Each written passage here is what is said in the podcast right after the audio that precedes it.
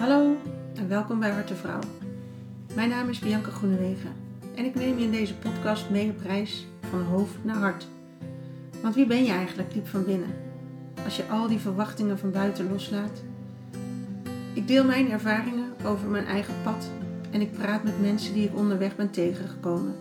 Stuk voor stuk hele krachtige vrouwen en ik hoop dat ze jou net zo inspireren als mij, zodat jij ook die sprong kan wagen van angst naar liefde van hoofd naar hart. En weer thuis komt bij jezelf. Jouw mooie, ware ik. Ik ga met jou de echte verhalen delen. Het succes van deze vrouwen, maar ook de punten waarop ze falikant onderuit gingen. Want dat hebben we allemaal. En hoe meer we delen, hoe meer we helen. Ik laat je ook zien op welke manier je verbinding kan maken. Met die ander, maar zeker met jezelf. Want jij, mooi mens, mag precies zijn zoals je bent. Laat je inspireren en kies je eigen pad. Ik nodig je uit. Ga je mee?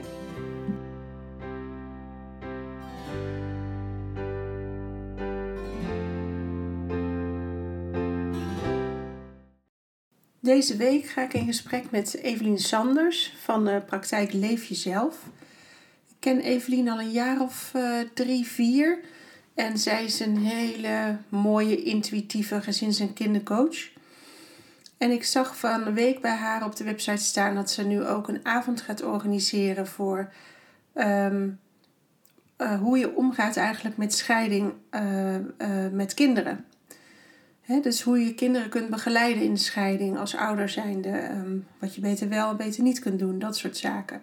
En ik weet dat Evelien altijd heel erg de belangen van de kinderen voorop stelt. En echt wil kijken naar wat heeft het kind nodig. Uh, hè, wat vertelt hij met zijn gedrag. Dus ik denk dat zij ook heel veel mooie dingen kan brengen uh, voor ouders die in scheiding zitten. En ja, waarvoor het toch een hele uitdaging is om dat ook met de kinderen te doen. Dus ik uh, nou, heb haar gebeld en zij zei meteen ja gelukkig. Dus wij gaan de komende aflevering daarover praten samen.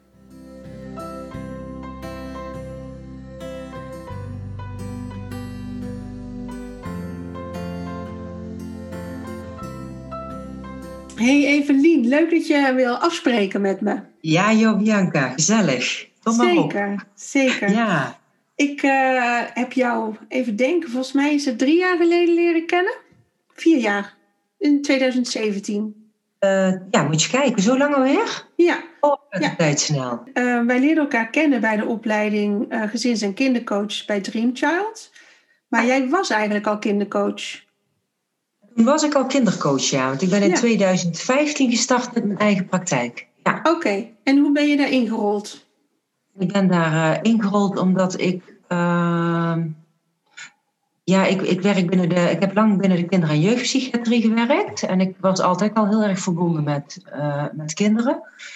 Um, en, en met hun ouders natuurlijk. En door uh, het stukje sensitiviteit die ik bij mezelf merkte en door mijn eigen ouderschap en het uh, zoeken en vooral struggeling die ik heb meegemaakt ook met uh, mijn eigen kinderen, werd ik daar zo in getriggerd in thema's dat ik ook steeds meer naar het alternatieve en naar het sensitieve kind ben gaan kijken. toen ben ik ook sensiecoach geworden en voelde ik heel sterk de behoefte om daar meer in te willen betekenen. En van daaruit is, is mijn kindje geboren. Ja, zo gaat dat dan met een eigen praktijk, hè? Ja, zeker.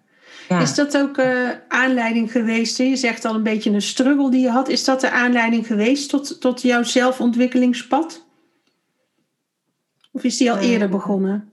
Nee, die is al eerder begonnen. Ik kan me niet heugen als dat ik als kind zijnde altijd al op zoek was naar de meaning uh, van, van, dingen en hoe, hoe mensen in elkaar zitten en waarom mensen zich zo gedragen. En hmm. uh, ik ben ook niet voor niks, denk ik, de psychiatrie ingegaan, omdat ik ook menselijke gedragingen altijd al uh, zo interessant vond. En ook zag dat mensen van de weg af konden raken hè, of hun pad uh, kwijtraakten.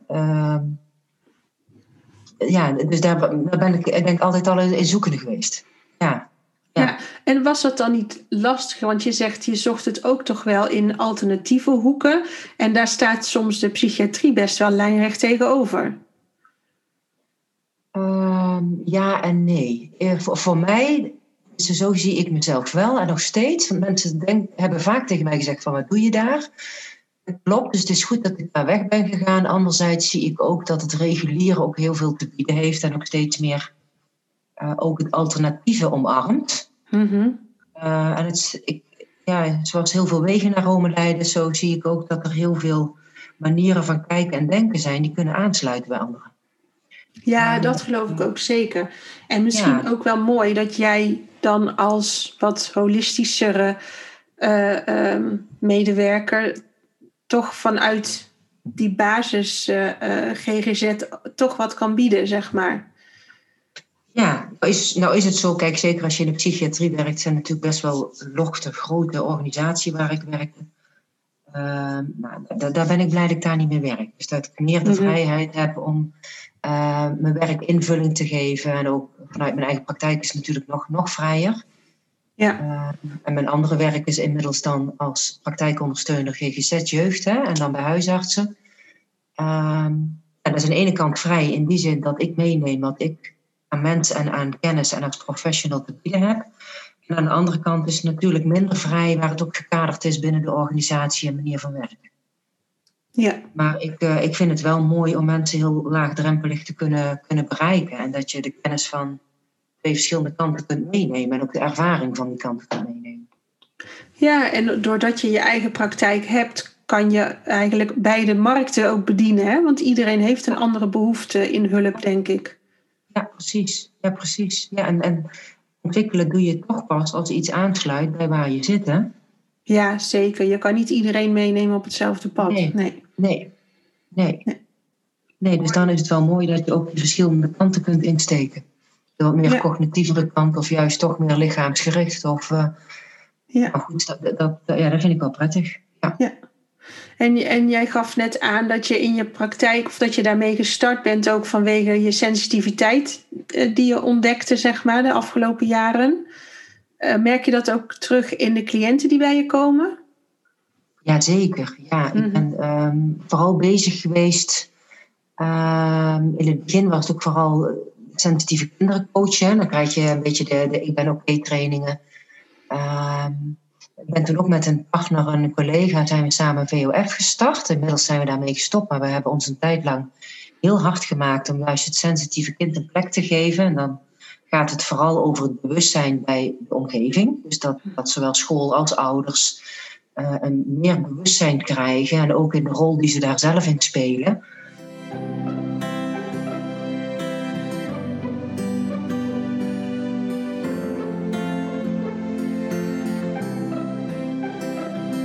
Je krijgt natuurlijk altijd in je praktijk waar je op dat moment ook uh, connectie mee hebt. Hè? Of waar, ja. uh, dat zul je zelf ook wel herkennen. Ja. Um, en mijn praktijk heeft zich heel duidelijk gericht op het sensitieve kind en hun ouders. En, en nog steeds. Dus ik krijg veel ouders die daar ook vragen over hebben. Dat wil niet zeggen dat het alleen maar over de sensitiviteit gaat. Dus het zijn natuurlijk ook kinderen die vastlopen met, met angstklachten of met gedragsklachten. Of, uh, dus dat zijn, dat zijn de vragen die daarvoor liggen. Dus, dus, dus, het is wel breed. En soms komen er ook volwassenen of jongvolwassenen die eigenlijk veel meer voor een eigen ontwikkelingsstuk komen. Uh, dus het is eigenlijk heel breed. Ja, ja. maar dat past ook bij jou, denk ik, hè? Ja, ja, dat past echt helemaal bij mij. Ik vind het heel leuk om uh, een diversiteit te hebben aan vraagstukken. En uh, dat het niet allemaal aan één kant. en dat kan ook niet. Hè? Ik bedoel, er zijn genoeg ook mensen die denken dat hun kind dan heel sensitief is, terwijl er misschien weer iets anders onder zit. Dus dat, is er ook. Hè? Het is steeds bekender natuurlijk geworden, de sensitiviteit. Maar merk je toch ook nog dat ouders verrast worden daardoor? Of, of zijn ze wel bewust bij jou terechtgekomen omdat jij sterk bent in sensitiviteit begeleiden? De meesten die zullen ook aanhaken op wat ik op mijn website zeg. Dus die zullen ja. ook heel bewust inzetten van hé, hey, jij doet daar iets in en jij kan ons kind helpen in dat stukje sociaal-emotionele ontwikkeling. Uh, dus die, die komen van daaruit met die vraag bij mij. Uh, maar er zijn ook echt wel ouders die gewoon in eerste instantie wel komen omdat ze zelf vastlopen of ook echt bereid zijn om naar zichzelf te kijken. Um, en in het traject of waar we dan mee bezig zijn, dan pas eigenlijk de diepte ervaren van wat hun sensitiviteit in relatie tot hun kind en naar zichzelf die jaren betekend heeft. Ja, en dat is het gewoon, dan. Hè? Met terugwerkende ja, kracht ga je het pas zien ja, dan. Ja. Ja, ja, ja, en ook ervaren. En dat, dat je dan pas de diepte daarvan ervaart. en er zitten soms echt ouders bij, ook moeders die gewoon nog eigenlijk niet hadden bedacht dat zij zelf ook zo sensitief zijn. Ja. Dat, dat vind ik eigenlijk zo grappig, want zij komen mogelijk soms wel met de vraag met betrekking tot hun kind. Ja, Ze ja, zien ja. van, oh, mijn kind is best wel sensitief en loopt vast en eh, krijgt het allemaal niet gebolwerkt. En, en in het traject dat ze dan pas eigenlijk ontdekken van, oh jee, ja, zo deed Dat ben ik ook. Zo doe ik het nog steeds. Ja. Ja. Ja. Ja. Oh, dat herken ik ook wel inderdaad. Ook van mijn eigen proces, maar ook van wat ik inderdaad in de praktijk krijg. Dat je denkt, ja, je kan het wel over je kind hebben, maar hoe gaat het met jou? Ja, precies. Ja, precies. Ja, Ja, ja, heel leuk. ja, leuk. ja, met alle En- bereidheid en liefde. Ja. Ja, dat, dat is het, tuurlijk. Ja. Ja. Hey, en nu zag ik op jouw website ineens staan dat jij een informatieavond gaat organiseren over scheiden hoe dan? Heet dat. Nou, hoe kwam je daarbij? Dat klopt. Dat eh, is een, eh, ook een grappige. Ik ben, ik ben gevraagd. Eh, dat zijn twee oud-collega's van toen ik in de jeugdzorg werkte. Die zijn voor zichzelf gestart met een eh, praktijk alles rondom rouw en verlies voor volwassenen. Daar heb ik toen wel even over nagedacht. Ook omdat het niet in eerste instantie direct mijn doelgroep is. Ehm, ik denk, oké, ik, ik ben geen kiescoach, ik geef geen kiestrainingen. ehm, maar ik heb wel de tools in huis om kinderen in rouw te begeleiden, maar ook sociaal-emotioneel eh, ja, de emoties te kunnen verwerken. Ehm, en ook bij een scheiding daarin wel te kunnen helpen. En ik heb genoeg kennis in huis. Dus ik, ik had wel zoiets van, ja, maar ik heb al die tijd ook lezingen gegeven en workshops gegeven. Omdat ik vond dat het kind wat niet gehoord of gezien wordt, eh, die kan zich onvoldoende ontplooien. Dus het is belangrijk dat ouders zich bewust worden. Mhm. Ehm, en dat is bij sensitieve kinderen zo, maar dat is natuurlijk van kinderen van gescheiden ouders eh, zeker zo. Dus ik dacht, nou dan, ja, natuurlijk ga ik meedoen. Natuurlijk ga ik meedoen. En ik ga gewoon mijn kennis eh, proberen daarin eh, mee naar voren te zetten. En dan gaan we wel zien, een beetje ook wel een beetje op mijn manier. Zo van, nou, dat, eh, dan zeg ik ja, dan heb ik een paar leuke, enthousiaste mensen. En ze hadden ook nog iemand van een, een jurist. Een advocaat is erbij betrokken, dus zij zal ook een stukje de juridische kant belichten. Hm.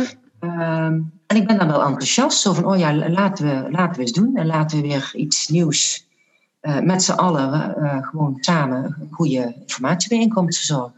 Ja, want op zich bij rouw denk je vaak echt aan verlies van een overleden iemand. Maar bij scheiding komt natuurlijk ook heel veel rouw kijken. Jazeker, ja, dat, dat is al. Ja, Ja, het Ja, is zowel bij de van, ouders als kind. Ja, van de situatie, van een huis vaak ook. eh, van minder tijd met de ene ouder. nou Ja. precies. Ja, precies. Precies wat je nu noemt. Hè? En dat zijn ook dingen die kunnen zo snel vergeten worden. Zeker waar het ook eh, het proces groter is en ook ouders in hun eigen pijn zitten. En nou goed, mijn stukje in deze lezing is ook om heel erg dat beeld vanuit het kind naar de voorgrond te zetten. Dus ben je bewust wat dit voor een kind betekent en welke veranderingen dat dit voor een kind betekent. En, en hoe een kind dus echt in een, eh, in ontwikkelingsproblemen en in een conflict kan komen als het daar onvoldoende zijn of haar plek eh, krijgt. Ja, Ja, dus- dat is misschien ook wel een beetje wat bij mij past, hè? waar kinderen niet gehoord of gezien worden. ja. Ehm, dan wil ik wel heel graag dat ze een plek krijgen. ja, daar ga jij voor staan. Hè? Of jij bent Ja. misschien wel hun spokesperson of zo. eh. Nou, ik denk dat dat wel een beetje het onderliggend thema is natuurlijk ook voor mezelf. En ook waar, waar ik getriggerd word en geraakt word en denk van nee, dat, dat moet anders kunnen. Dus laten we Ja. de wereld bewust maken van datgene waar iemand nog niet bewust is.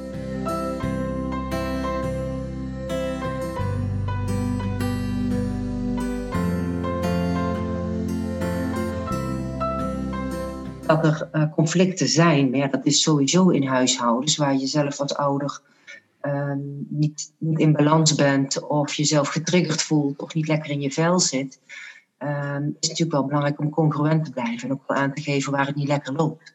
Ja. Omdat een kind het toch wel invult en een kind het toch wel voelt en een kind het toch wel ziet. Wanneer zou jij een kind betrekken bij of met informatie geven over een scheiding? Eh, zo snel mogelijk. Als je dus in ieder geval zelf eruit bent als partner, dat je gaat scheiden, ehm, dat je het kind in ieder geval duidelijk uitleg geeft. En, en vooral ook uitleg geeft over waarom dat je die beslissing hebt gemaakt. Ik merk echt binnen eh, de verschillende facetten waarin ik werk, in mijn praktijk, maar ook regulier, dat ik met kinderen van gescheiden ouders praat en dat ze heel vaak zeggen: Ik weet niet waarom papa en mama uit elkaar zijn. Hmm. En ik begrijp het niet. En dat geeft zo'n totale verwarring voor een kind. En waar een kind het misschien mogelijk nog niet wil begrijpen of ook niet kan begrijpen, is het toch nog heel, juist heel belangrijk dat je wel goed uitlegt in de taal van het kind uh, als het niet meer lukt. Of hè, uh, met, met ja, legitieme redenen van oké, okay, we hebben het geprobeerd of papa en mama houden niet meer van elkaar. Ja. Uh, dat je het kind daar wel in betrekt.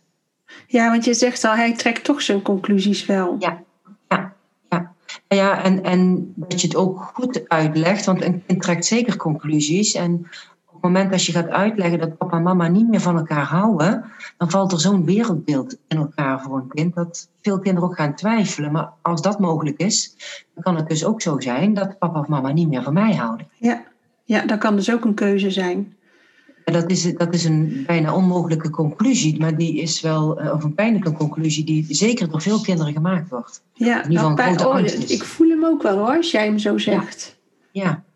Want dat, is Ja, natuurlijk, dat wil je niet als ouder en dat, dat bedoel je niet. En eh, dat zal, zal nooit zo zijn. En toch kunnen het kinderen het zo wel ervaren.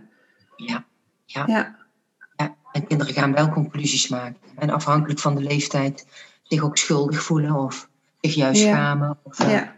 eh, dus dat zijn wel gevoelens die daarbij horen. Ja, en ik kan me voorstellen, ehm, je hoort soms eh, gescheiden ouders, ehm, nou laat ik het naar praten over de andere ouder noemen.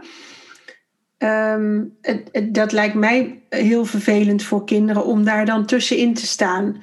Want dan krijgen ze een loyaliteitsconflict van ja, mama praat nu onaardig over papa, maar ja, ik vind papa wel aardig, maar ik vind mama ook aardig. Dus Ja, en dat, dat is ook waar eh, een stuk in de informatiebijeenkomst ook wel over zal gaan. Eh het loyaliteitsconflict is eigenlijk het grootste ontwikkelingsrisico van eh, kinderen van gescheiden ouders. mhm, Dat dat, en ook best wel in, meest ingewikkeld natuurlijk, hè, om als ouders daarvoor de borg te dragen, dat je kind er niet inkomt. En ehm, als je kijkt naar een kind, ja, je bent natuurlijk 50% je vader en je moeder. Dus op het moment dat jij negatief de ouder hoort praten over de andere ouder, doet dat echt iets met je zelfbeeld. Want het zegt ook iets over jou. Ja. Ja, je En- ziet dat systemisch ook altijd terug. Hè? Ja. Als je in een familieopstelling gaat staan, eh, hoe ziet je gezin eruit? Dan maakt het niet uit hoe lang je moeder al met haar nieuwe man is en hoe lang je al in dat huis woont. Jouw originele vader, die doet er altijd toe in het systeem. Altijd, ja. Ja. Omdat je inderdaad het echt- 50% A bent en 50% B. En op het moment dat een Ja. van die 50% niet aangesproken mag worden, mag er dus een deel van jou niet zijn. Klopt. Ja. En dat is natuurlijk ook de onderliggende delen, waar, eh, reden waarom je kinderen delen van zichzelf afsplitsen. En Ja. dat betekent dat zij problemen krijgen met identificatie of met parentificatie, of dat zij ehm, dus het, eh, gevoelens van zichzelf wegduwen, omdat die er niet mogen zijn. En ze gaan een ouder ehm, ja, heel duidelijk imiteren of napraten.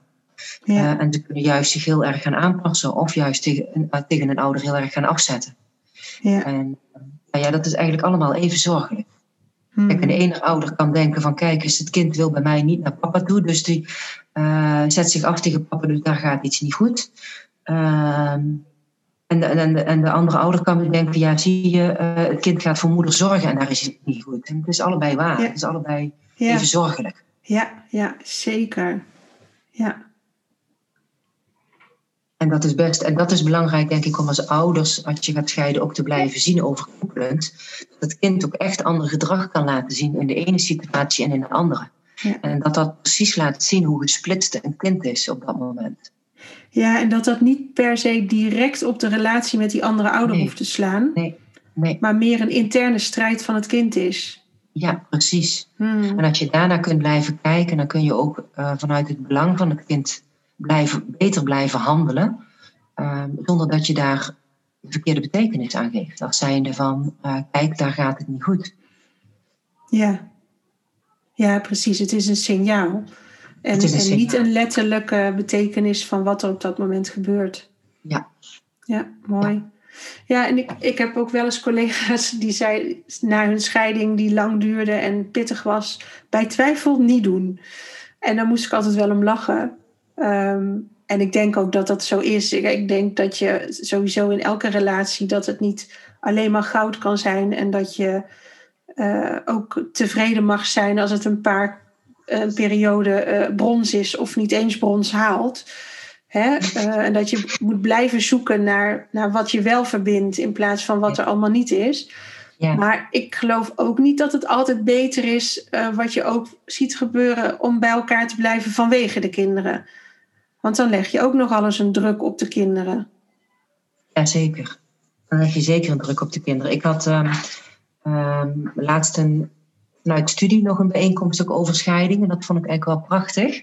Daar werd uh, ook genoemd dat gemiddeld stellen zes jaar bezig zijn voordat ze hulp gaan zoeken. Zo. En dus dan ben je al zes jaar aan het rommelen voordat er hulp ingezet gaat worden. En dat is lang. Je kunt jezelf ook voorstellen. Um, weet je, wij kennen allebei onze thema's en die blijven op ons weg terugkomen. Dat als je uh, in jezelf of samen met elkaar bezig blijft, dan heb je waarschijnlijk ook al vier keer of vaker hetzelfde rondje gelopen. Hè? Mm-hmm. En dat doet natuurlijk ook iets voor kinderen. Ja. En zomaar uit elkaar gaan doet ook iets. Uh, maar ik kan me ook voorstellen, als je zo lang erover doet voordat je hulp zoekt, dan is het ook al in heel veel gevallen te laat.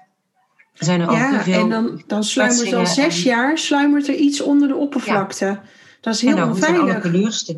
alle teleurstellingen en kwetsingen die er al geweest zijn en conclusies die er al getrokken zijn, Ja. uh, is natuurlijk moeilijker na zes jaar om dingen te herstellen als dat dat is. En als je na één jaar uh, getrubbel of twee jaar uh, ja. hulp zoekt. En eh, weet je waardoor dat komt? Is dat schaamte? Dit was een onderzoek en dat was eruit gekomen. En uh, er stond niet bij waardoor dat, dat komt. Ja, ik zou het in kunnen vullen als zijnde. Uh, we proberen het wel, of uh, schaamte inderdaad, of we stoppen het weg. Of wat ik heel vaak zie bij mensen die hulp komen zoeken, ik weet niet of je dat herkent, dat is dat ze hulp komen zoeken als de nood hoog is, maar dat ze ook heel vaak uh, weer terugkrabbelen als, als de nood wegzakt. Hmm. En uh, dus op het moment als het niet meer zo ernstig is, of je hebt er niet meer zoveel last van, dan kun je het ook wat gaan bagatelliseren, of het valt wel mee, of het komt wel weer goed. Uh, maar vaak ook dat je dingen dan kunt vermijden door er een beetje om de hete brei heen te draaien. Ja, ja zo En van dan- als het er niet is, het. Als we het er niet over hebben, dan is het er niet. Een Ja, struisvogel. precies. eh, Ja, precies. Ja. Kan ook fijn zijn hè, dat je er niet continu op gefixeerd blijft, maar eh, gezonde reflectie is natuurlijk wel, eh, wel prettig op zijn tijd. Ja, ja goed. En, en, en als je dan gaat kijken, oké, dat vond ik wel mooi. We hadden het toen in die les ook wel erover van wat mensen krijgen veel last van stress hè, in onze samenleving. Uh, stressklachten en daaruit volgende problematiek is toch wel een, een, een hoge score voor het vragen van hulpverlening. Mhm. Um, maar als je gaat kijken wat uh, in relatie, wat, wat je daar allemaal op kan lopen aan stress, ook te maken heeft natuurlijk met je eigen hechting en de veilige gehechtheid wel of niet. Ja. Uh, en hoe je in het leven staat. Dus we hadden het erover, het zou zo mooi zijn als er op school uh, een vak zou komen met relatievaardigheden. Oh. Hoe, hoe doe je dat? Hè? Met, ja, ik vind hem geweldig. Geniaal. Oh, Ja. uh, ik zou het mensen en kinderen ook wel gunnen van relatievaardigheden, omgaan met teleurstellingen, omgaan Ja. met conflicten, Ja. uh, omgaan met, met dat stuk waar je in je hechting uh, in getriggerd wordt. En uh, dat. En dat je daar Mooi. sterker in kunt leren worden. Ja, dat, Ja. dat, ik zie daar ook wel iets in. zij zei het en ik had echt zoiets van, oh wat gaaf. Ja. En ik ben er ook wel voorstander van dat er uh, toch natuurlijk in mijn praktijk ook is dat, er, ja, dat je juist insteekt op ouders, is er ook regulier. Uh, houd me vast is dat. En er zijn trainingen gericht voor koppels die problemen ervaren in, in die partnerrelatie. Ja. En, ja, goed, je bent de basis in de opvoeding van je kinderen, hè? dus daar, daar zit het. En als je daar al met elkaar uit kunt komen, dan, dan ben je een prachtig voorbeeld voor je kinderen natuurlijk. Ja, zeker, zeker. Want Ja. dat is ook waarom ik denk dat bij elkaar blijven voor de kinderen niet werkt. Want wat voor voorbeeld geef je dan? Ik denk dat je je kinderen een voorbeeld mag geven waarin eh, eh, liefde belangrijk is. En ook dat liefde aannemen ook liefde voor jezelf betekent. En uh, wanneer jij alles maar over je heen laat gaan en ehm, dat je samen niet meer werkt, dan is het denk ik ook heel moeilijk om van jezelf te blijven houden binnen die relatie. Dus wat is dan je voorbeeld wat je laat zien? hoe gezonde, hoe kan dat kind dan gezonde relaties aangaan als die groot is, als dit is wat hij gezien heeft toen hij klein was? Ja, ja, er zullen verschillende maten zijn van huwelijken. Hè? Dat zijn ja, ja, ja, ja. sowieso allemaal een hele andere betekenis geven aan hoe de relatie is of hoort te zijn of moet zijn. Ja, maar als je echt ongelukkig je... binnen een relatie blijft, ja. daar bewust voor kiest, dan denk ik dat je niet een fijne basis neerlegt voor die kinderen om zelf een gezonde relatie aan te gaan. En inderdaad, het hoeft, het hoeft niet roze geur en maneschijn en, en hè, alleen maar halleluja en oh wat zijn we toch altijd de meest fantastische vrienden samen. Uh, maar er, zit, mm er zitten, in wat je zegt, er zitten gewoon gradaties in. Maar het gaat wel vanuit respect, uh, verbinding en, en liefde delen. Ja, en dat, dat zet zich natuurlijk door. Hè? Als je als ouder zijnde je eigen uh, gehechtheid die je hebt meegekregen vanuit je eigen opvoeding, dat uh, is natuurlijk ook in je partnerrelatie weer terug te zien. Hè? Van hoe doe je dat samen? Hè? In, je, in de, de, de, veilige gehechtheid of juist onveilige gehechtheid met je partner. En afhankelijk hoe, hoe, dat je dat samen als basis neerzet, uh, kun je daarin ook weer die veilige basis voor je kinderen betekenen. Ja. En als je gaat kijken naar een veilige hechting of die cirkel van veiligheid, die ken je misschien ook nog wel van de opleiding, was die ook mm teruggekomen. Ja, dat is natuurlijk wel de basis voor alle ontwikkelingstaken van een kind. Ja. ja. Dus als je het hebt over relatievaardigheden, dan, eh, dan in mijn beleving hangt dat heel nauw samen met die gehechtheid. Um, en, en daarmee dat stukje zelfwaardering en zelfvertrouwen en eigenwaarde gewoon op kunnen bouwen. Ja. Ja, zeker. Het hangt Mooi dat je dat doet. Ja, het hangt ook allemaal zo aan elkaar. Ja. Het, heeft altijd, het heeft altijd zo eh, veel met elkaar te maken. Hè? Met, met wie je zelf bent, hoe je zelf op bent gevoed. En hoe dat je zelf in het leven staat. En hoe dat je in de relatie staat. En wat je dan weer kunt doorgeven. Of kunt, aanbedding kunt zijn voor je kinderen.